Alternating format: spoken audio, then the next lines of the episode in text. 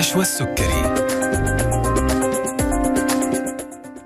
السلام عليكم ورحمة الله تعالى وبركاته. حياكم الله مستمعينا الأعزاء مستمعي ألف ألف إف إم الموجة السعودية وأهلا وسهلا فيكم في حلقة جديدة من طبابة.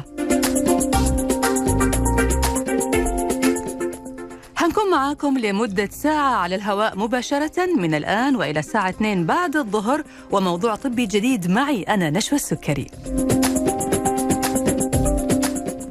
بيتجدد لقاءنا معكم يوميا من الأحد إلى الخميس مع باقة من ضيوفنا المميزين من الأطباء والمتخصصين في المجالات الطبية المختلفة. كل حلقة من حلقات برنامج طبابة بنحاول دائما أنه نطرح المعلومة المؤكدة والموثوقة من مصادرها المعتمدة. وبيسعدنا دائما تواصلكم معنا واستقبال مقترحاتكم وأسئلتكم على واتس البرنامج 055 66 89 001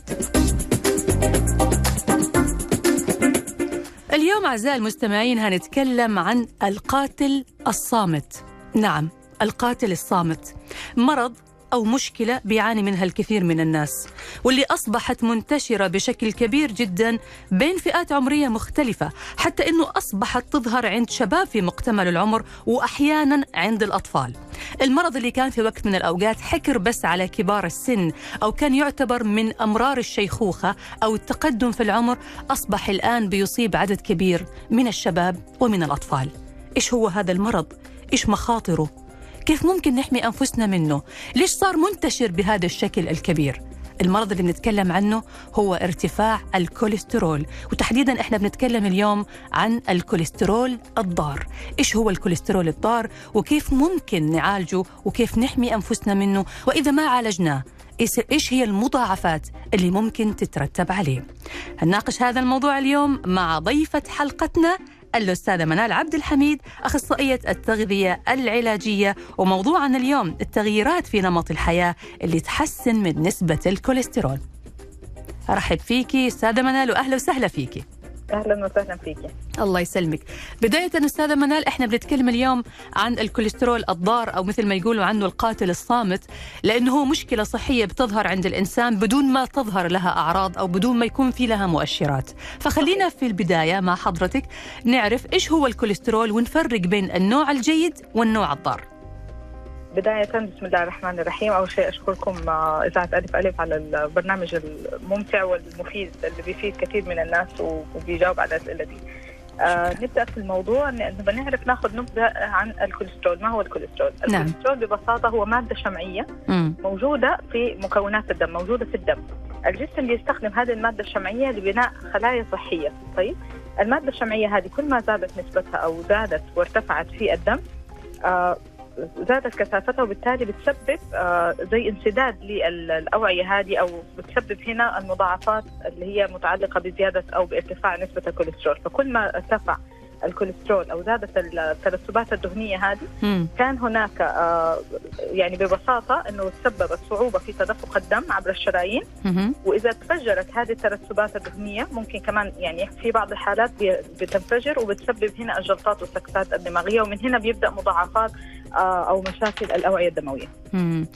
طيب إحنا في نوع جيد يا دكتورة أو أستاذة منال في نوع جيد في وفي نوع ضار. أيوه. بالضبط في عندنا نوعين. خلينا بس قبل ما نبدأ بالانواع بالأنواع حضرتك ذكرتي مشكورة في المقدمة والتعريف إنه ما له أعراض إنه فعلا هو ما بيظهر له أعراض معينة. يعني ما في حاجة عرض معين. بيظهر للإنسان وبالتالي إحنا بنقول إنه هنا لا أنا عندي ارتفاع في ال- الكوليسترول. مم. فعادة بيكون متى إحنا بنوصل الناس إن هم يبدأوا يزوروا الطبيب أو يعملوا تحاليل آه، اوصى المعهد القومي للقلب والرئة إنه بإجراء الفحص كل عام إلى عامين للرجال والسيدات من أول سن ال 45 وما فوق، مم. لكن هل هذا معناته إنه ما بيجي للأطفال والشباب؟ لا هو موجود ومنتشر زي ما تفضلتي بكثرة عند الشباب والأطفال، وزي ما تفضلتي هو نوعين، في نوع اللي هو الضار. والنوع ال- المفيد اللي هو ال LDL وال HDL، مم. ال LDL اللي هو ال low density lipoprotein منخفض الكثافة مم. بالضبط منخفض الكثافة وال high density اللي هو مرتفع الكثافة. نعم. طيب إيش الفرق بين الاثنين؟ خلينا نقول إنه الفرق بين الاثنين. ال- الكوليسترول الجيد آه إحنا يعني بيساعدنا على إيش الكوليسترول ال- الجيد؟ اللي هو المنخفض الكثافة. مم. منخفض الكثافة بينقل البروتين الدهني أو الكوليسترول الضار إلى جميع بي يعني بيعمل زي امتصاص للجزيئات هذه وبيرجعها للكبد. نعم. خلاص اللي هو عفوا هذا مرتفع الكثافة اللي هو ال HDL المرتفع. هو المفيد أيوه هو المفيد مم. دائما الناس تتلخبط فهو أيوة. يعني تسال ال high هو المفيد والمنخفض هو هو الضار الضار. عشان لما لما يبان عنده في التحليل الطبي لو راح سوى تحليل الكوليسترول واحيانا. الناس أيوه ما تقدر تفرق يلاقي ال HD المرتفع اللي هو ال- اللي هو ال- الكوليسترول المفيد. مرتفع الم- هذا كويس لأنه هذا هو ال- بالضبط. الكوليسترول المفيد المشكلة لما تلاقي في التحليل إنه LDL. هو هذا المرتفع المرتفع. هذا المشكلة طيب. نعم ال دي ال اللي هو المنخفض الكثافة هذا بينقل البروتين الدهني أو الكوليسترول الضار. بينقل جسيمات الكوليسترول إلى جميع أجزاء الجسم فبالتالي بينشرها بيوزعها على الجسم وبيعمل تراكمات للبروتين الدهني أيوه على جدران الشرايين مم. فبالتالي هنا بتحصل التصلبات وبانها بتكون ضيقة وبيصعب مرور أو تدفق الدم من خلالها وعلى العكس من كده البروتين اللي هو مرتفع الكثافة. إيش اللي بيعمله بيلتقط الكوليسترول الزائد مم. يعني جزيئات الكوليسترول الزايده دي بيلتقطها وبيبدا يعيدها إلى الكبد يعني بيعمل زي عملية تنقية أو التقاط الجزيئات هذه وتسهيل تدفق الدم في الأوعية أو في جميع الشرايين. يعني هو بيعمل عكس ال- الكوليسترول الضار. هو اللي بينظف والكوليسترول هو بالضبط. اللي بيراكم ال- الدهون في الشرايين وفي وبالتالي بتؤدي إلى تصلب الشرايين وانسداد الشرايين والمشاكل اللي ممكن يعني يعاني منها الكثير من الناس طيب صحيح آه، إحنا قلنا دكتورة أو أستاذة منال عفوا إنه ال- الكوليسترول ارتفاع الكوليسترول في الدم ما له أعراض واضحة لكن بالضبط. هل في مؤشرات يعني أنا الآن حضرتك قلتي إنه آه، بناء على الدراسات والتوصيات الطبية إنه مثلا بعد عمر ال 45 أو حتى ابتداء من ال 40 ويمكن في الوقت الحالي يمكن هذه الدراسة أتوقع راح توصي بسن أقل من كذا مع زيادة انتشار الكوليسترول المرتفع عند فئات صغيرة من من الشباب وحتى من الأطفال. لكن هل في مؤشر يدل على إنه الشخص ممكن يكون عنده الكوليسترول مرتفع؟ شوفي طبيا يعني لما بنتكلم مع الدكاترة ما في مؤشر أو ما في عرض معين لكن مم. بحكم أنا الحالات اللي بتجيني العيادة ويعني خبرتي فيها كاخصائيه انه لما بيجوني عملاء في العيادة إنه ليه جايين تعملوا نظام غذائي؟ لقيت الكوليسترول عندي مرتفع لقيت عندي ال- الغدة كسلانة وكل التفاصيل دي فمن بعض الحالات اللي ذكرت لي طبعا هذا مش كلام علمي يعني هذا من تجارب من شخصية وتجارب. خبرة شخصية. آه البعض منهم مثلا لقيته بدأ يشتكي إنه بدأ يجي له زي وخز في آه ال- الجزء العلوي آه من الكتف الشمال. فبدأ يقلق إنه إيش إيش الوخز هذا اللي قاعد يجي؟ أو ليه في تنميل؟ أو ليه في ثقل. هذه كذا حالة أنا شفتها. يعني كذا حالة شخصية مرت علي ولما راح وكشف عملوا له فحص وطلعت عنده ال- الكوليسترول الضار مرتفع جدا. مم. فبالتالي هنا خافوا عليه من حدوث الجلطات نعم. وبدأوا هنا آه، يعالجوا موضوع الكوليسترول. هذه كتجارب شخصية ما هو كلام علمي ولا هو كلام بحثي يعني. لكن هل هو في عرض معين أو في مؤشرات أنا ممكن أعرف من خلالها إنه المريض هذا عنده ارت- ارتفاع كوليسترول إذا ما عمل تحليل الدم؟ علميا لا لازم يكون عن طريق فحص الدم. نعم جميل. طيب ندخل الآن على أسباب ارتفاع الكوليسترول. إيش اللي ممكن يخلي الكوليسترول يرتفع عند شخص وما يرتفع عند شخص ثاني؟ طيب خلينا نتكلم عن ال- الأسباب اللي هي بتخلي وجود ارتفاع الكوليسترول عند بعض الأشخاص مع التركيز على معلومة مهمة أحب انوه عنها وهي؟ إنه في البعض يعت- يعتقد إنه الناس اللي ما عندهم سمنة إحنا بنتكلم الحين عن الأسباب. مم. البعض يعتقد إنه كل ما الواحد كان نحيف هو بعيد عن مشكلة ارتفاع الكوليسترول هذا اعتقاد خاطئ. ارتفاع الكوليسترول ممكن يصيب الكل ممكن نلاقي واحد عنده زيادة في الوزن بسيطة لكن ما عنده ارتفاع كوليسترول.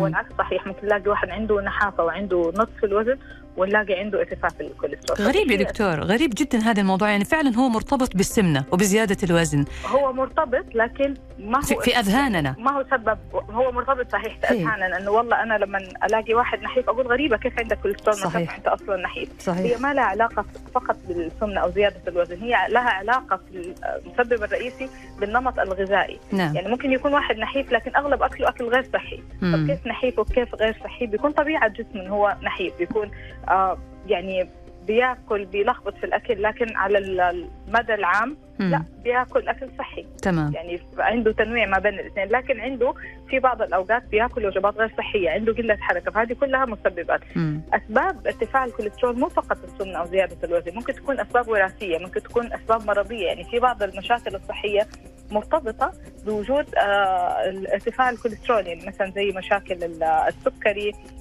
ارتفاع ضغط الدم في كثير من الأمراض اللي هي مرتبطة بارتفاع الكوليسترول في الجسم. خلينا نقول الأسباب الرئيسية اللي هي سبب انتشار ارتفاع الكوليسترول في المجتمع حاليا أول حاجة النمط الغذائي غير الصحي الاعتماد على الوجبات السريعة الدهون المشبعة في الأكل قلة الحركة مرتبطة بيها طبعا الاثنين يعني دائما بيجوا مع بعض فبالتالي بيسببوا السمنة وبيسببوا ارتفاع الكوليسترول بالإضافة أيضا لعدم شرب الماء بكميات كافية. مم. الثلاثة هذول لو إحنا ركزنا عليهم على تعديلهم حنلاقي إنه اللي عنده ارتفاع كوليسترول حيعتدل وحيبدأ ينخفض مع الوقت.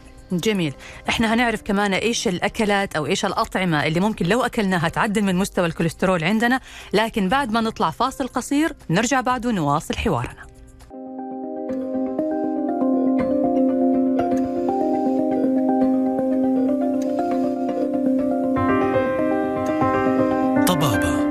مع نشوى السكري. حياكم الله من جديد مستمعينا الأعزاء في برنامجكم طبابة واللي بيجيكم على أثير إذاعتكم ألف ألف FM الموجة السعودية. معنا اليوم الأستاذة منال عبد الحميد أخصائية التغذية العلاجية وبنتكلم اليوم عن القاتل الصامت اللي هو ارتفاع الكوليسترول الضار وكيف ممكن يأثر على حياتنا ويصيبنا بمضاعفات ومخاطر كبيرة جدا على الوقت وعلى المدى البعيد. طبعا بنستقبل أسئلتكم واستفساراتكم على واتس البرنامج 05566 ثمانية تسعة صفر صفر واحد. مرة ثانية صفر خمسة خمسة ستة ستة ثمانية تسعة صفر صفر واحد. أرجع مرة ثانية وأرحب فيك أستاذة منال وأهلا وسهلا. أهلا بك أهلين. طبعا قبل الفاصل أستاذة منال كنا بنتكلم عن تعريف الكوليسترول وأسبابه وأنواعه وإيش ممكن ليش ممكن يرتفع عند بعض الناس وعند بعض الناس. لا وهنا تكلمنا عن نمط الحياة أو نمط التغذية في في الحياة. طيب إحنا برضو من الأشياء اللي نحب نعرفها. إيش هي الأطعمة اللي لها نصيب الأسد في ارتفاع نسبة الكوليسترول؟ يعني حضرتك قلتي التغذية الصحية كويسة وفي ناس لما يحافظوا على شرب الماء والحرص على تغذية صحية سليمة بيتعدل عنده مستوى الكوليسترول. طب أنا كيف أعرف؟ وإيش هي الأشياء اللي أبتعد عنها؟ وإيش الأشياء اللي أحرص عليها في أكلي؟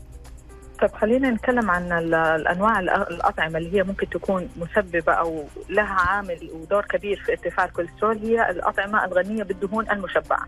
مم. والدهون المشبعة هذه غالبا بنلاقيها مثلا في الوجبات السريعة، في المقالي الوجبات المقلية، آه، موجوده أيضا في بعض المصادر البروتين اللحوم يعني زي مصادر البروتين الحيوانية مم. لكن آه، هل معناه إنه أنا أبتعد عنهم بعد تام مثلا زي مصادر البروتين الحيوانية أبتعد عنها بعد تام زي ما كان جات فترة اللي عنده ارتفاع في الكوليسترول آه كنا زمان نقول له امتنع تماما عن صفار البيض امتنع عن الجمبري وامتنع عن أطعمة معينة. آه بعض الدراسات الحديثة أثبتت عكس هذا الكلام إنه هم ما حيسببوا ارتفاع الكوليسترول لكن لما يكون هو أصلا عنده ارتفاع كوليسترول هنا بنبدأ نقنن المصادر هذه إنه بيتناولها بكثرة على أساس إنه هي تساعد على استهلاك الجسم يعني أو التخلص من الكوليسترول الضار الموجوده فيه بس مش هي السبب الرئيسي في ارتفاع الكوليسترول. بتكلم عن الصفار البيض بتكلم عن الجمبري وعن المصادر الحيوانية. م. لكن خلينا نقول إنه في عوامل كثير زي ما قلنا الوجبات السريعة التدخين له دور الكحول أيضا له دور العادات الغذائية إنه مثلا لما تكون وجباتي أنا معتمدة على بروتين و high carb في الوجبة. فأنا هنا كربوهيدرات. اي بالضبط كربوهيدرات. طبيعه الجسم لما أنا باخذ كمية كبيرة من الكربوهيدرات خلال اليوم أكثر من احتياجي وأنا ما بتحرك كثير الطبيعي إنه بيصير عملية التمثيل الغذائي بياخذ احتياجه اللي يبغاه من هذه المصادر وبعد كده الباقي بيتحول إلى مادة دهنية. وعوضا عن انه أنا already باخذ دهون. يعني أنا بزود نسبة الدهون في الجسم ومع قلة الحركة بيتم آه ارتفاع الكوليسترول في الجسم. هذا خلينا نتكلم من آه منطلق الوجبات المشبعة. أو الغنية بالدهون المشبعه طيب كيف إحنا يعني إيش الوسيلة اللي نحن نتبعها علشان نخفض هذا الكوليسترول أو نعدل من وجباتنا علشان نساعد جسمنا إنه يتخلص من الكوليسترول الضار؟ أول شيء اخفف من الوجبات السريعة الوجبات الغنية بدهون مشبعة أعتمد على الاطعمه النباتية في حال ارتفاع الكوليسترول يعني أزود المصادر النباتية أكثر من الحيوانية في أكلي. آه الألياف كل ما زادت في الأطعمة كل ما ساعدتني أكثر إنه نحن نتخلص من الكوليسترول. ليه؟ لأنه الألياف آه اللي هي الذائبة تعمل على امتصاص الكوليسترول في الدم آه ممتاز يعني بتساعد بتساعد مم. على الامتصاص الياف موجودة في إيش يا دكتورة آه في الأطعمة النباتية أكثر شيء في الخضروات الورقية آه في الحبوب الكاملة زي حبة القمح الكاملة نعتمد على مصادر ال- القمح السمراء أو الكاملة مم. أكثر من ال- الأبيض يعني الخبز الأسمر الرز الأسمر فهذه كلها غنية بالألياف بالإضافة زي ما قلت لك الخضروات وبالذات الورقية بتكون. مرتفعة في الألياف هذه برضو مفيدة جدا في حالة الناس اللي عندهم مشكلة ارتفاع الكوليسترول مم. أيضا من الأطعمة المفيدة في هذه المرحلة زي المصادر السمكية الأسماك وخصوصا عندنا الأشياء الغنية بالأوميجا 3 هذه برضو بتساعد على خفض الكوليسترول والدهون الثلاثية في الدم مصادر الدهون الصحية أيضا يعني خلينا نقول نعمل عملية تبديل. بدل ما أنا أخذ مثلا دهون مشبعة أعمل آه، استبدالها عملية استبدال ليها بدهون صحية. إيش هي مصادر الدهون الصحية؟ خلينا نتكلم عن زيت الزيتون عن المكسرات عن الأفوكادو. كل هذه تعتبر مصادر دهنية وصحية في نفس الوقت إنه أنا أعتمد عليها. أول شيء كبديل للدهون المشبعة بالإضافة إنه هي ليها دور كبير في عملية خفض مستوى الكوليسترول في الدم. طيب آه، دكتورة بالنسبة للزيوت المهدرجة اللي موجودة إحنا دائما نشوف كذا إعلان أو كلمة مكتوبة خالي من الكوليسترول ورغم كذا نشوف دائما الناس أو الدراسات تقول إنه كل أنواع الزيوت المهدرجة صحيح, صحيح. وسيلة إعلانية فقط. وسيلة طيب يا ريت ما هي صحيحة. مم. ما في زيت خالي من الكوليسترول أيوة. لكن تعتبر في نسب. يعني كل نوع على حسب مصدره هو جاي زيت ذرة ولا هو زيت زيتون ولا زيت آه، نخيل. بيكون إيش المصدر وبناء عليه إحنا بنعرف مستوى الكوليسترول فيها لكن حكاية إنه يجي يقول لك خالي من الكوليسترول هذه وسيلة دعائية.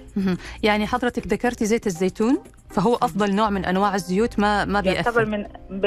مش ما بيأثر يعني شوفي كل الشيء إذا زاد عن حده. بينقلب ضده فهذا مو. معناته إيه بالضبط الاتزان لكن أنا أعتبر انه هو يعتبر من الزيوت المفيدة لعملية تقليل الكوليسترول في الدم زي ما إحنا قلنا إنه LDL وال HDL في نوع مفيد وفي نوع ضار نعم فهو نفس الفكرة إنه أنا عندي نوع من الزيوت بيساعدني على التخلص من هذه المشكلة مم. مم. جميل طيب يعني هل مثلا حضرتك تنصحي إنه اللي عنده كوليسترول مرتفع إنه يبتعد تماما عن الأشياء المقلية في الزيت وإنه يبتعد تماما عن الزيوت المهدرجة يعني بالضبط. يفضل إنه ما يتناولها طالما إنه فيها نسبة. خطر بالضبط بالضبط بالضبط إذا عنده ارتفاع نسبة كوليسترول في الدم يفضل إنه هو في مرحلة علاجية. يبتعد عنها تماما ويستعيد عنها بالدهون ال- المفيدة.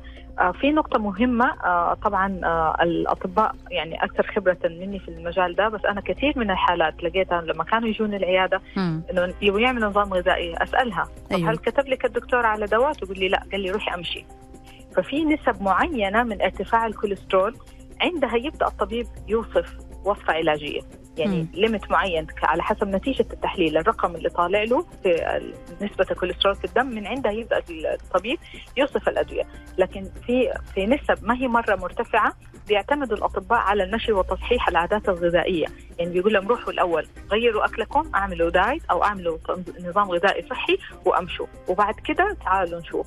آه جميل. سبحان الله مجرد ما يبدأوا ينظموا أكلهم ويمشوا يبدأ الكوليسترول تلقائي ينخفض بدون الحاجة إنه ياخذ دواء. العلاج. مهم. وبالتأكيد طبعا الأدوية اللي بتساعد على تخفيض الكوليسترول في النهاية هي أدوية كيميائية قد يكون لها آه، يعني مضاعفات أو أضرار على الجانبية. ممكن يكون هو عنده مشاكل صحية صح. ثانية مرتبطة مع بعض. فهو خلاص بيكتفي بعلاج ال- المشاكل الثانية وبيعتمد على خفض الكوليسترول بتصحيح النمط ال- الغذائي والصحي اليومي. طيب لو جينا دكتورة تكلمنا عن اللحوم الحمراء اللحوم البيضاء الأسماك يعني إحنا الآن تكلمنا عن الزيوت والدهون أو ال- الأكلات المشبعة بشكل عام يعني بالنسبة لأنواع اللحوم هل في مثلا أنواع لحوم معينة أفضل لمريض الكوليسترول من غيرها؟ آه نب لو حبينا نرتبهم. نقول أول نوع الأسماك هو الأفضل مم. بعد كده يجي اللحوم البيضاء وبعد كده تيجي اللحوم الحمراء يعني خلي يعني اللحوم هي- الحمراء أعلى. خيار آه،. بالضبط هي أعلى شيء فيها لكن أفضلهم الأسماك بعد كده يجي الدجاج والدجاج طبعا نتكلم عن الصدور أكثر من ال- الأوراق مم. اللي هي نسبة الدهون فيها أقل وبعد كده تيجي اللحوم الحمراء. وطبعا يفضل أنها تكون مشوية ما تكون مقلية بالضبط ونبعد عن الجلد. يعني برضه نوصي دائما المشتركين أو الناس بصفة عامة لما ناكل الدجاج بلاش نتناول الجلد نبعد عن الجلد. طبعا أنت عارفة بالذات في المقلي بيكون كريسبي بيكون صح. كل البهارات فيه بيكون, بيكون لذيذ يا يعني أستاذة منال. بيكون الطعم كله أيوه. بالضبط. في أشياء لما ناكلها مسلوقة وكذا ما تحسي لها طعم يعني. شوفي هو النظام الغذائي الصحي ما هو بالضرورة يكون مسلوق أو مشوي على فكرة. يعني ممكن يكون الأكل يعني هو أكيد ما هو مقلي لكن ممكن يكون مسبك مثلا بكميه زيت بسيطة ممكن معمول في الفرن ممكن يعني على فكرة الدجاجة مثلا من من تصحيح عادات الغذائية أو وسائل الطهي الدجاجة لو اتحطت زي ما هي على النار أو في الفرن بتنزل زيتها حتى اللحمة.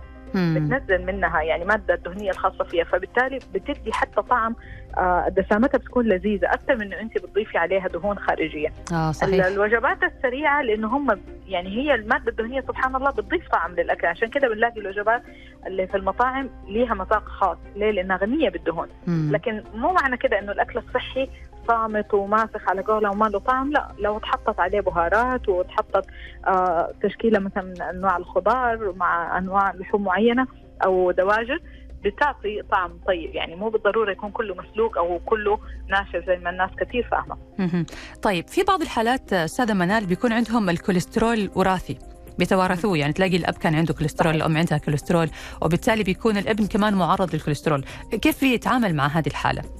بتصحيح العادات الغذائية إنه أنا ما أسمح آه، للحالة هذه إنه هي تزيد عند الشخص ده يعني مثلا أنا عارفة إنه أنا عندي كوليسترول وراثي في العيلة م. أبدأ اصحح عاداتي الغذائيه أبدأ أحافظ على نمط غذائي صحي م. وأبدأ أحافظ على ممارسة الرياضة وخصوصا المشي وبالتالي اورث هذا الشيء لأولادي في مفاهيمهم وفي عاداتهم اليومية على أساس إنه هم يطلعوا عاملين زي protection للجسم من الإصابة لأنه كل ما كان العامل الوراثي كل ما كانت الأرض خصبة أكثر للإصابة بالمرض يعني لو أنا سبت نفسي لعادات غذائية غير صحية أو لارتفاع الوزن والسمنة فأنا زي اللي برحب بالمشاكل الوراثية دي إنها تجيني بشكل أسرع. مم. طيب حضرتك بتتكلمي عن تغيير نمط الحياة وعن العادات الغذائية الصحية آه، يمكن إحنا نمط حياتنا الآن اختلف وصار يأثر علينا في أشياء كثير منها إنه صرنا نأكل في وقت متأخر. فهل صح. تأخير وقت الأكل لمثلا بعد الساعة 8 بعد الساعة 9 هل ممكن يكون له علاقة بارتفاع الكوليسترول؟ ممكن يكون له علاقة خصوصا لو أنا ما بتحرك كثير. يعني لو أنا واحدة خلينا نقول الناس اللي طبيعة عملهم مسائية. ونايمين في النهار. أنا ما حاجي أحكم على الشخص هذا أقول له لا خلاص أنت كده لازم يجيك كوليسترول وسكر لا مم. ممكن يصحح عاداته بإيه؟ إنه ياكل وجبات صحية، الكميات تكون معتدلة وبسيطة ويمارس الرياضة، لكن لو أنا يومي طبيعي بصحى الصباح وبروح عملي وبرجع خلاص أجي على الساعة 9 10 بالليل انتهى دوامي وما عاد عندي أشغال معينة أعملها فيفضل إنه أنا أخلص وجباتي في وقت مبكر وبعد كده خلاص ما يكون في وجبات قبل النوم. سبحان الله هذه طبيعة الجسم. الساعة البيولوجية نفسها في الجسم شغالة بهذه الطريقة. فالأفضل إنه ما يكون في تناول طعام في الليل. وفي حال اضطر الشخص إنه يأكل لسبب ما جوعان مريض سكر حس بانخفاض سكر زي ما قلنا إنه أحد طبيعة عمله مسائية يختار بدائل صحية يأكلها في هذه الفترة المسائية مع ممارسة الرياضة. وشرب الموية طبعا له دور مرة كبير الموضوع. أيوه شرب الموية دكتور آه، يعني كم كم تقريبا المفروض إنه أشرب موية في اليوم؟ هو في آه، في دراسات بتحسب لكل جسم على حسب الوزن والطول لكن ما حندخل الناس معنا في المتاهه الكبيرة دي. خلينا نقول المتوسط ما بين لتر ونص إلى لترين في اليوم. هذه لو كلنا قدرنا نشربها خلال اليوم حتكون مرة ممتازة لكل شيء لسيولة الدم لنضاره البشرة لوظائف الكلى. طبعا هذا من الدرجة الأولى. لعملية حتى الأيض والتمثيل الغذائي إنه تكون بتقوم بوظيفتها الطبيعية كل وظائف الجسم سبحان الله بتكون على أكمل وجه لما بيكون نسبة الموية سليمة في الجسم. جميل. هنطلع فاصل بس بعد الفاصل إن شاء الله هنعرف إيش فائدة الوصفة الشهيرة جدا اللي هي وصفة الثوم مع الليمون اللي منتشرة كثير عند كثير من الناس يقول لك إنه هذه الوصفة هي حارق وناسف الكوليسترول وناسف الدهون، هنعرف الإجابة على هذا السؤال مع ضيفتنا الأستاذة منال بعد ما نطلع فاصل نرجع بعد ونكمل حلقتنا.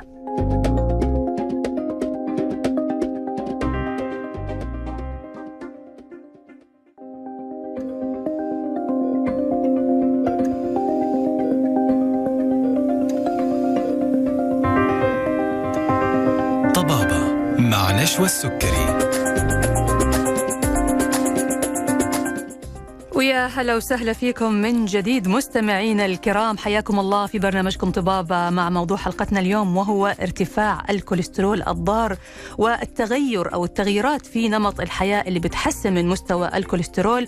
مع ضيفتنا الأستاذة منال عبد الحميد أخصائية التغذية العلاجية وبنسعد بإرسال أسئلتكم واستفساراتكم لضيفة حلقتنا اليوم الأستاذة منال من خلال الواتساب أو بالتواصل معنا مباشرة على واتس البرنامج 055 ثمانية تسعة صفر صفر واحد. مرة ثانية صفر خمسة خمسة ستة ستة ثمانية تسعة صفر صفر واحد. برحب فيكي مرة ثانية أستاذة منال. أهلا بك أهلين. طيب أستاذة منال إحنا برضو لازلنا بنتكلم عن موضوع الكوليسترول وارتفاع الكوليسترول الضار وذكرنا إنه نمط الحياة بيأثر. بالنسبة للأطفال الصغار أستاذة منال صار في ملاحظة إنه في أطفال عندهم ارتفاع في الكوليسترول. إيش السبب؟ صحيح. آه نرجع لنفس السبب الرئيسي اللي هو طبيعة الوجبات غير الصحية مم. الاعتماد على الأكل غير الصحي وعدم ممارسة الرياضة وقلة الحركة الفترة الأخيرة يعني الزمن في الزمن اللي إحنا فيه انتشرت التكنولوجيا والألعاب الإلكترونية وصار الطفل ما عاد في حركة يعني ما ما صرنا نشوف أطفال بيلعبوا مع بعض أو بيجروا أو بيلعبوا استغماية أو شرعة فاكره دي الألعاب حقتنا صحيح ما عاد في الأشياء دي خلاص كله ماسك iPad كله وجالس. ماسك جالس في. مكانه. آه كلنا بنعاني من هذه المشكلة كلنا بدون استثناء بنعاني مع أولادنا من هذه المشاكل لأنه ما عاد في طبيعة الحياة اختلفت فما عاد في حركة حتى الوسائل ال ال يعني التقنيات المستخدمه في البيت للكبار كلها أيضا اختلفت يعني التلفزيون صار بريموت السيارة صارت آه، فيها استخدامات كثيرة يعني أي مشوار بروحه بالسيارة.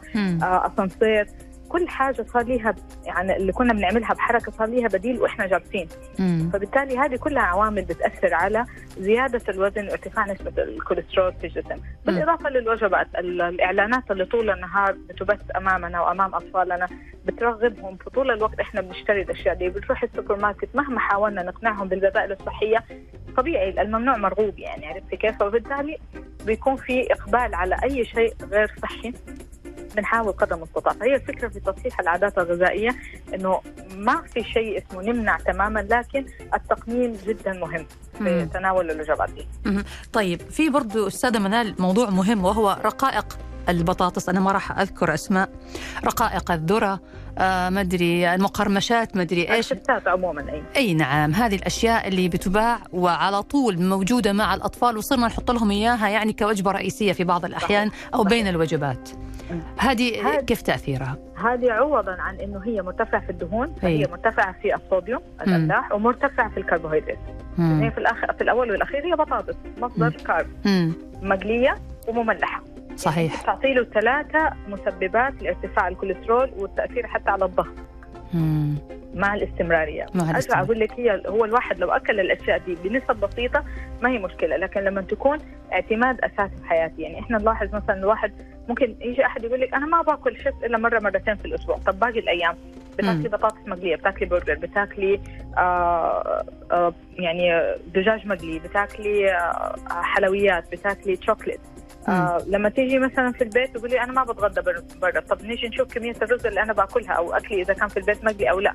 هل باكل خضار ولا ما باكل؟ عملية آه انعدام الخضار في الوجبات المنزلية هذه مشكلة مرة كبيرة بالذات عند الأطفال. مم. الأطفال عندنا مشكلة إن إحنا بنحاول ندخل النظام الخضروات في وجباتهم بصعوبة.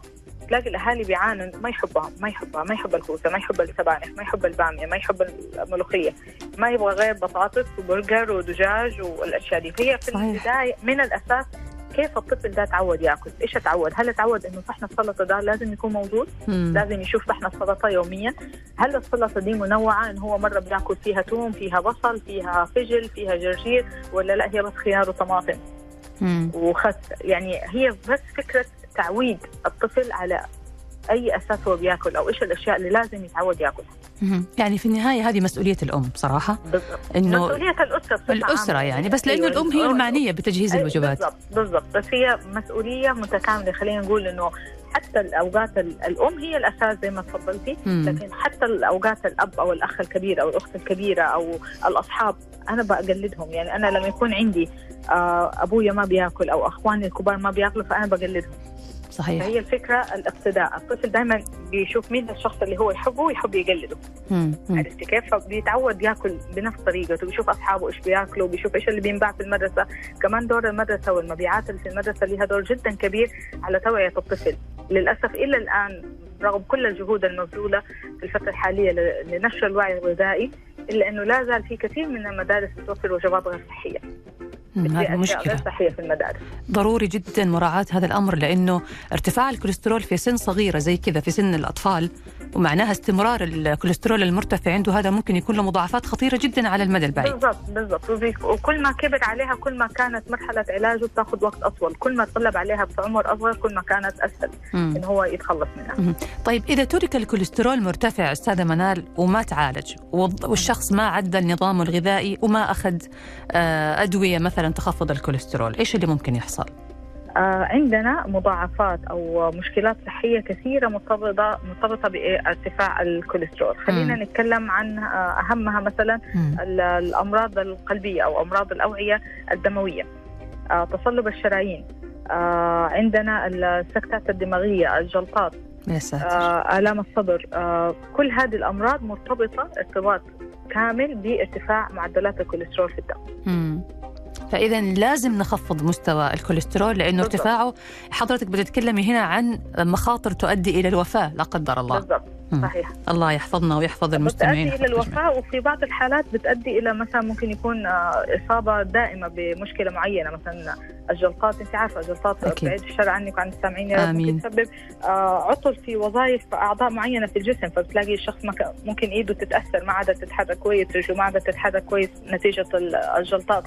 آه، فبالتالي إذا ما سببت الوفاة يعني سببت له إعاقة حركية أو ممارسة حياته بشكلها الطبيعي مم. طبعا يعني العيش به... الإنسان يعيش حياته بإعاقة أو بمشكلة مستمرة طبعا هذه حياة صعبة جدا الله يحفظنا صحيح. ويحفظكم ويحفظك أستاذة وكل المستمعين يا رب طيب آه، لما نجي نتكلم عن ال- الخلطات أو العلاجات البديلة في كذا آه، شيء شائع أو خلطة شائعة متعارف عليها يقولوا أنه هي هذه قاهرة الكوليسترول وقاهرة الدهون اللي هي خلطة الثوم مع الليمون مع زيت الزيتون. فايش رأيك في هذه الخلطات أو في هذا أو الثوم تحديدا استخدامه عشان يقلل الكوليسترول طيب إحنا ما نقدر ننفي أهمية الثوم أو فوائده الصحية العديدة. خلاص لكن خلينا نتكلم هل هو يعتبر لوحده كده علاج يعني مثلا أنا دحين كمستمع لإذاعة ألف ألف وجات آه، منال آه، قاعدة بتقول إنه الثوم مرة كويس ويروح يعيش حياته ياكل ثوم هل هذا صح؟ لا غلط طبعا مم. لأنه ممكن يكون عنده مشاكل صحية ثانية ممكن تتعارض معه أو ممكن تأثر عليه في أشياء ثانية مم. إحنا بصفة عامة حنتكلم إنه الثوم هو مفيد. ما إحنا يعني ما أنكرنا موضوع وإنه بيدخل في يعني له دور مساعد في خفض الكوليسترول والدهون الثلاثية الموجودة في الدم. خلاص. مم. لكن ما أقدر أعتمد عليه بصفة خاصة كعلاج. يعني ما أقدر أروح آخذه وأنا مريض كوليسترول وبدون ما أرجع لطبيب وأكله. خلينا نقول على حاجة كمان مهمة إنه ال- الثوم له دور في ميوعة الدم. ميوعة بيأثر- الدم. ميوعة الدم. طيب؟ بيؤثر على ميوعة الدم. فبالتالي لما لو أنا عندي مشكلة سيولة أو لو أنا عندي مشاكل صحية ثانية متعلقة بالدم فأنا هنا ممكن أعمل أضيف لمشكلتي مشكلة إضافية. فنلاقي إنه من محاذير تناول الثوم مثلا إذا واحد عنده زيادة ميوعه الدم اللي هي السيولة نعم. ما يقدر ياخذ كم... بالذات لو بياخذ لها ادويه ما يقدر ياخذ معاها كميات ثوم كبيرة. لو أنا عندي مثلا آه، نزيف بسبب عملية معينة ما أقدر أروح آكل ثوم بكميات كبيرة. أيضا له تأثير كميات الكبيره لها تأثير على الكبد خصوصا لو في مشكلة في الكبد. فهنا ما أقدر أعتمد على الثوم وأقول إن هو علاج لارتفاع الكوليسترول. مم. آه لازم أول شيء أكون تحت إشراف طبي. اضيفه في اكلي بصفة عامة أنا وانت وأي أحد حتى لو ما عندي ارتفاع كوليسترول الثوم له فوائد مرة كبيرة. هو يعتبر من مضادات الالتهابات اللي يعني يعتبر غني بمضادات الالتهاب. فهو لو كان موجود في سلطتي في وجباتي هو جدا ممتاز. لكن ما أروح أعتمد عليه اعتماد شخصي كده خاص فيه كعلاج لارتفاع الكوليسترول. تناول الثوم برضو أستاذة منال أعتقد له طريقة لأنه الناس اللي عندهم قولون أو عندهم التهاب في المعدة أو عندهم تقرحات أو مشاكل بالضبط. عشان كده في البداية كنت بقول لك إنه ما ينفع ياخذ إنه ممكن يكون عنده مشاكل ثانية. تتعارض مع ما ينفع أروح الناس اللي مثلا يقول لك الثوم مرة مفيد لارتفاع الضغط أنا كل يوم آخذ حبة عزيق ابلعها. لأنها حبة دواء بس. أنت عندك مشاكل معدة نعم. انت في مشاكل في المعدة ما ينفع تاخذها بهذه الطريقة. كل شيء لازم يكون تحت دراية وتوعية كاملة بمخاطر وفوائد الشيء اللي أنا بعمله. طب كيف ممكن ناخذ الثوم بحيث إنه يكون مفيد وفي نفس الوقت ما يأثر أو ما يكون له ضرر على المعدة أو على القولون يعني؟ ممكن يدخل ضمن الأطعمة. مم. يعني خلينا نقول لو إحنا نبغى ناخذه فريش ما هو مطبوخ ممكن يدخل في السلطات. يتقطع صغار كده أو يعني يتفرم كده بسيط ويتحط في السلطات. وما يكون بكمية كبيرة لو أنا عندي مشاكل في المعدة. بحيث إنه هو ما يأثر علي معدتي. نعم. فأنا كده أخذت فائدته وفي نفس الوقت ما أخذته بكمية أو بطريقة تأذيني. مم، ممتاز. طيب بالنسبة للشعير يا أستاذة منال يعني حضرتك يمكن ذكرتي برضو حاجة مهمة. قلت إنه الأكل لما يكون نسبة الكربوهيدرات فيه مرتفعة بالتالي هذا من الأسباب اللي ممكن تؤدي لزيادة الكوليسترول.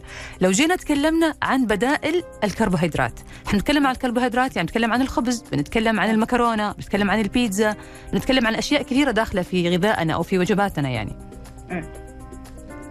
إيش البدائل؟ هو الكربوهيدرات لما أنا كنت بقول لك إنه ارتفاع الكربوهيدرات مو لوحده يعني مو بشرط إنه أنا باكل كربوهيدرات كثير لو أنا أكلي منخفض في الدهون مم. والكربوهيدرات اللي أنا باكله معقولة وبعمل رياضة ما حيكون له دور في ارتفاع. الكوليسترول أنا لما قلت عن الكربوهيدرات قلت لو أنا باكل أصلا أكل مصادر الدهون فيه عالية. مع الكربوهيدرات. وب... ومع الكربوهيدرات عالي وما بتحرك فهنا المشكلة. مم. لأنه عمليه التمثيل الغذائي للكربوهيدرات مع الوقت أي فائض عن احتياجها عنها في الجسم عن احتياج الجسم بيتحول لمادة دهنية مم. بالإضافة للدهون اللي أنا باكلها مع قله الحركة هذا بيسبب ارتفاع الكوليسترول مش الكرب اللي بيسبب ارتفاع الكوليسترول قصدي؟ لكن التقليل منه قد يكون يعني مفيد بالضبط بالضبط ليه؟ لأنه أنا هنا ح... آه إنتاج الطاقة حيعتمد على الكربوهيدرات اللي أنا باكلها ال... ال... بالنسب اللي أنا الجسم محتاجها مم. وبعد كده المصادر الزايدة من الدهون في الجسم بيتم حرقها فهنا مم. الجسم بيحرق الفائض عن احتياجه من الدهون لكن لو أنا أديته مصادر إضافية وأنا ما بتحرك فهنا حيصير في زيادة عن الاحتياج وبيتم تخزينها في الجسم تمام ومن هنا بيكون زيادة الوزن وارتفاع نسب السمنة ونسبه الدهون في الجسم مهم. بدائل الكربوهيدرات زي ما ذكرت لك أي بدائل بتكون ال- الحبة القمحة الكاملة السمراء ليه؟ لانها أول شيء بتكون ال- القمحة كاملة وبيكون غنية بالألياف وبالاضافه فيتامينات متعددة فيها لكن ال- ال- القمح المكشور بتقل في نسبة الألياف وبيتم التخلص من ال- العناصر الغذائية. الموجودة في القشرة دي نفسها. عشان كده بنلاحظ إنه خبز النخالة أو الردة والأشياء دي بتكون غنية بالمكمل أو العناصر الغذائية الهامة. جميل. طيب حلقتنا مستمرة وراح نعرف كمان بعد الفاصل يعني إجابة على كثير من التساؤلات وخاصة أنواع الحمية اللي منتشرة مثل حمية الكيتو. هل بالفعل هذه الحمية ممكن يكون لها دور إيجابي على ارتفاع الكوليسترول وعلى الصحة العامة بشكل عام ولا لا؟ بس بعد ما نرجع من الفاصل.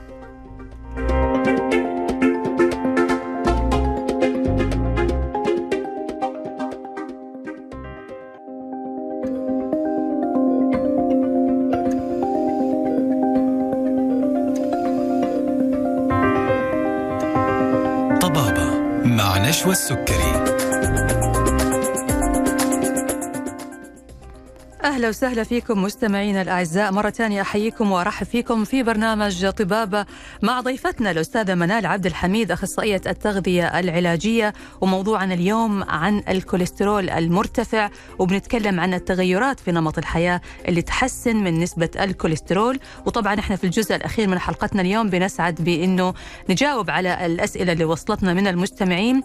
وبإمكاننا برضو أنه نستقبل أسئلتكم على واتس البرنامج 05566 ثمانية تسعة صفر صفر واحد. مرة ثانية صفر خمسة خمسة ستة ستة ثمانية تسعة صفر صفر واحد.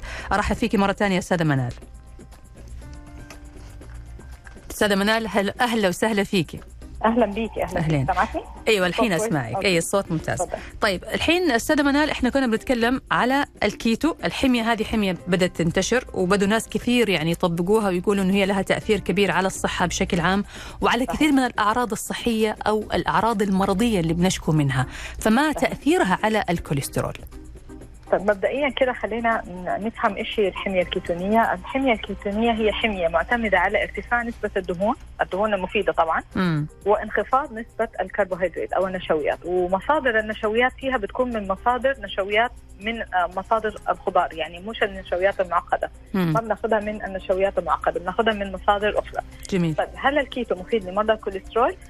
في كثير من الحالات استفادت من الكيتو اللي عندهم ارتفاع في الكوليسترول ليه؟ لأنه الحمية الكيتونية شغالة على حرق الدهون بشكل كامل. يعني أنا باخذ دهون وبحرق دهون. مم. فبالتالي أنا ما بتصير عندي أي نسبة تخزين للمادة الدهنية في الجسم. بس برضه هل أنا أقول هذه قاعدة وأنصح بها كل مرضى الكوليسترول دحين اللي بيسمعونا ويقولوا أقول لهم روحوا اعملوا كيتو؟ لا. ليه؟ لأنه ممكن يكون في مشاكل صحية أخرى بتتعارض. يعني ممكن يكون عنده مشاكل في وظائف الكلى أو الكبد. أو عنده مثلا مشاكل في الأوعية الدموية. فأنا ما أقدر أجي أزود عليه نسبة الدهون في الجسم. إضافة إلى معلومة مهمة أغلب المتبعي الحميه الكيتونية اللي ما عندهم وعي كامل بموضوع الحمية دي بيتبعوها بشكل عشوائي. الحمية الكيتونية على فكرة هي بتنحسب زيها زي الحمية العادية حمية السعرات الحرارية. مم. يعني أنا بجي بشوف الشخص هذا مثلا كم احتياجه من السعرات الحرارية اليوم؟ احتياجه 1600 كالوري مم. أنا بعطيله آه، من 70 ل 75% من ال 1600 هذه دهون مم.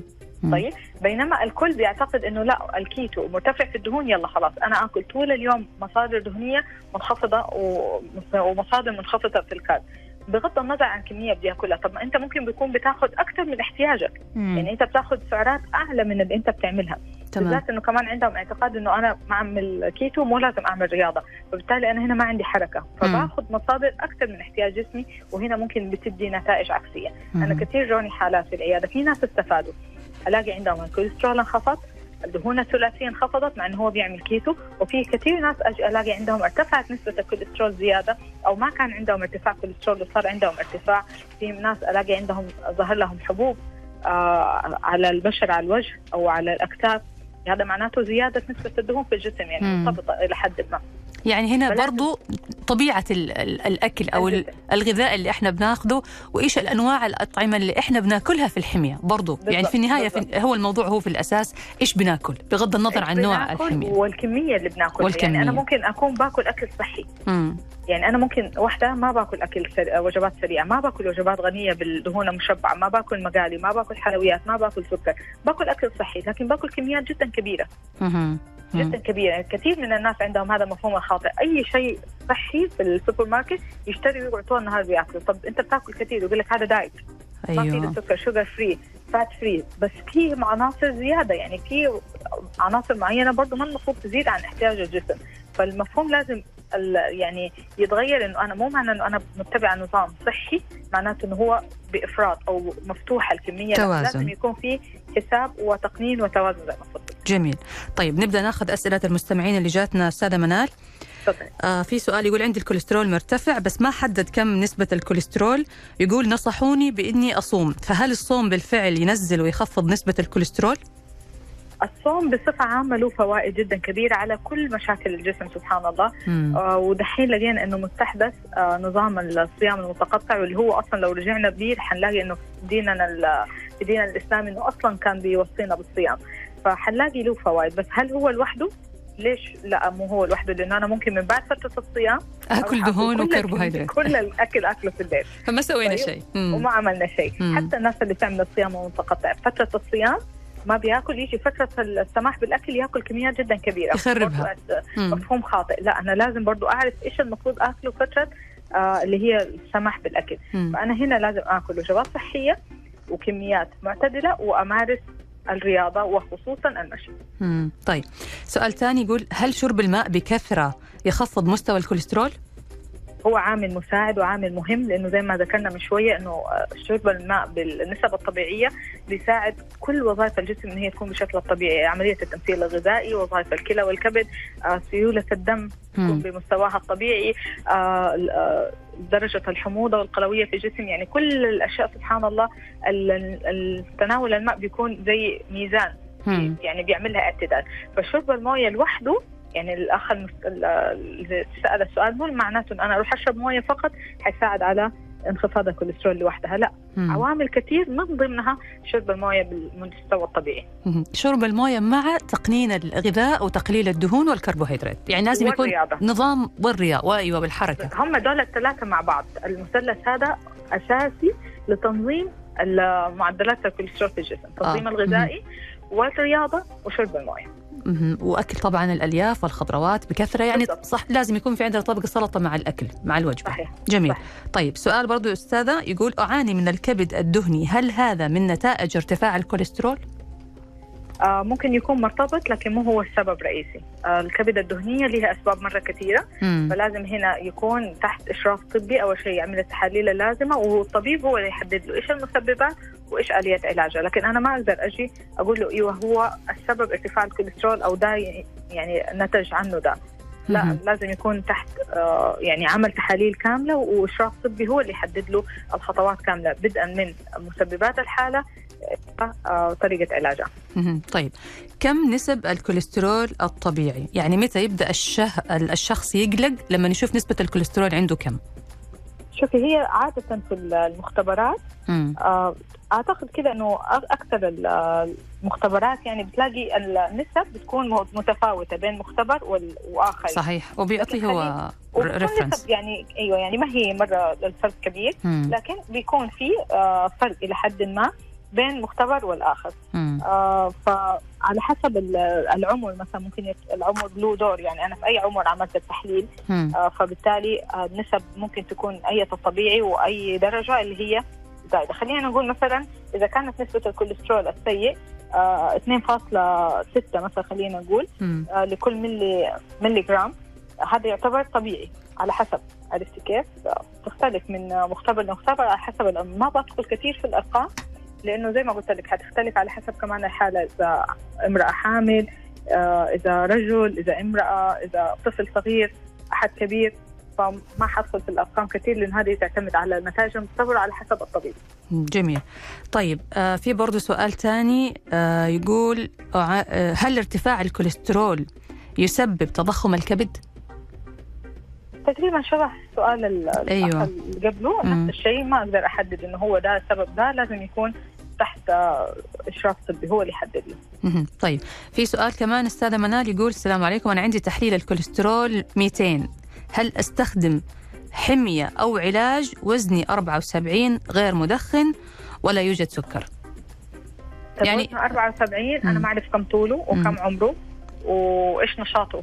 الجسدي اللي بيعمله فأنا ما أقدر أجي الحين أقول له يعتبر هو كرقم ممكن يكون مرتفع. بغض النظر عن عمره لكن حكاية انه هو غير مدخن وعمره آه أو وزنه قلتي 74 فأنا ما اعرف 74 هل كده وزنه زيادة ولا لا؟ ممكن يكون طوله 174 فهو. كده وزنه طبيعي. صحيح. أو 170 فهو كده وزنه كويس. يا ليت ترسل لنا معلومات أيوه أكثر. لو كان طوله في الخمسينات حقول له وزنك مرة زايد. لو كان طوله في صحيح. ما شاء الله 190 حقول له وزنك ممكن طبيعي إلى منخفض. مم. فما هو ارتباط زي ما ذكرنا ما هو من شوية كنا بنتكلم إنه مو بالضرورة اللي عنده وزن زايد بالضرورة حيكون الكوليسترول عنده مرتفع أو إذا كان منخفض بالضرورة إنه ما يكون عنده ارتفاع كوليسترول لا مم. لكن هو إذا عنده ارتفاع في الكوليسترول لازم دغري يروح لطبيب وهو اللي يحدد له هل يحتاج وصفة علاجية ولا حيكتفي بتنظيم عاداته الغذائية وممارسة المشي. أي وبشكل عام يعني إحنا بغض النظر الكوليسترول عندنا مرتفع أو في بداية ارتفاع أو لا يعني يفضل إنه إحنا نقلل من الدهون ونقلل من الأشياء المقلية الدهون صحيح. المشبعة تحديدا مثل ما تفضلت ضيفتنا الأستاذة منال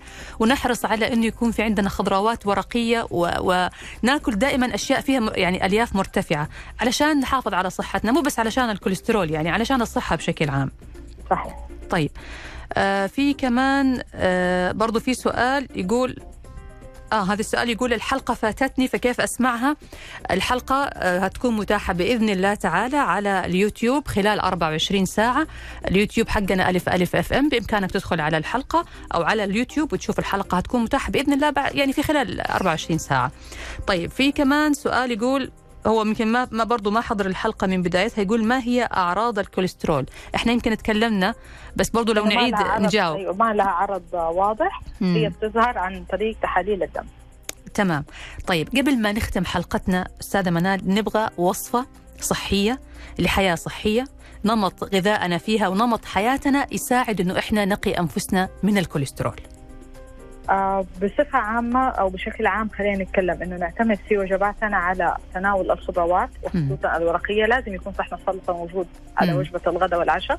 هذه لو غيرناها من ضمن عاداتنا الغذائية حتفرق معنا مرة كثير. حتفرق في الكوليسترول حتفرق في الوزن حتفرق في النشاط والحركة حتفرق في الناس اللي بيعانوا باستمرار من مشكلة الإمساك حتفرق في, في أشياء كثيرة. الواحد بنضاره البشرة يعني مجرد وجود صحن السلطة هذا حيفرق معنا في أشياء مرة كثير. حلو. أول حاجة لازم أغيرها في عاداتي الغذائيه إنه أنا أعتمد على تناول الخضروات والفواكه بشكل يومي يعني أدخلها في نظامي الغذائي. مم. الخطوة الثانية إنه أنا أحاول أقلل من كمية الوجبات السريعة أو وجبات المطاعم اللي باكلها. الناس اللي بسبب انشغالهم أو عدم توفير وجبات آه، صحية ما عندهم إمكانية إن هم يعملوا بدائل صحية الآن صار من المتاح ومن السهل إنه الواحد يلاقي بدائل في السوبر ماركت أو مراكز توفير الوجبات الصحية آه، بالاشتراكات. فالموضوع صار أسهل من زمان بكثير. الواحد ممكن ببساطة وصفات من على النت يعملها ينزلها ويجهز وجباته قبلها بيوم ويخليها في الثلاجة وياخذها معه. فإحنا نحاول قدر المستطاع نقطع أسباب لجوئي أو اضطراري إنه أنا آكل من المطاعم بشكل مرة كبير. ونقللها. يعني مثلا أنا أحب أخرج مع عيلتي آخر الأسبوع نفسي أنا أكلة معينة أخليها وانس ويك ما هي مشكلة. تمام. لكن ما يكون باستمرار. مم. آه، أدخل نظام الحركة أو الرياضة على حياتي. لازم يكون في تعديل لهذه النقطة لأنه كثير من الناس آه، بسبب الانشغال وبسبب التعب والإرهاق أو الحر إنه على طول بنلاقي حجج. هي كلها صدقيني مجرد آه، أعذار إحنا بنختلقها لنفسنا عشان نكون في ال comfort zone نفضل طول الوقت ما عندنا تأنيب أو توبيخ لنفسنا إنه أنا مم. ماني عامل غلط إنه أنا مو السبب في المشكلة. جميل. لكن لو أنا جيت آه، واجهت نفسي شوية بالنقطة بالحقيقة دي حلاقي إنه أنا السبب إنه أنا ما بعمل رياضة أنا السبب إنه أنا ما باكل أكل صحي. إذا أنا السبب إنه أنا عرضت جسمي لأي مشكلة من هذه المشاكل. فلازم أنا يعني مسؤولة عن هذا الجسد واللي أنا مسؤولة إنه أنا أوفر له ال- ال- الشروط أو الظروف الصحية الملائمة اللي تساعده على إنه يحيا حياة صحية بعيدا عن. أي مشاكل صحيح. أو أعراض مرضية لا قدر الله. أكيد تقبل الذات لي دور مرة كبير إنه أنا أحب نفسي زي ما أنا آه، أتقبل نفسي زي ما أنا وأشتغل على أخطائي وعلى عيوبي وأشوف إيش الأشياء اللي أنا آه، بواجه فيها مشاكل وأتقبلها منها. وأحسن. وأحسن منها مش إنه أنا أرفضها وتصير عايشة معايا عارفة العبء. يعني أنا أكون. عبء على نفسي. أنا أنا تقبلتني. الحقيقة بقدر جدا هذا الكلام وبشكرك جزيل الشكر الأستاذة منال عبد الحميد أخصائية التغذية العلاجية. شكرا لهذه النصائح الجميلة وشكرا لوجودك معنا في حلقة اليوم. والشكر موصول لكم أنتم أيضا مستمعينا الأعزاء. على وعد بلقاء في الغد إن شاء الله. موضوع جديد وضيف جديد في برنامجكم طبابة. كنت معكم نشوى السكري ورائد باراجي. تقبلوا تحياتي وتحيات فريق العمل وأترككم في حفظ الله ورعايته.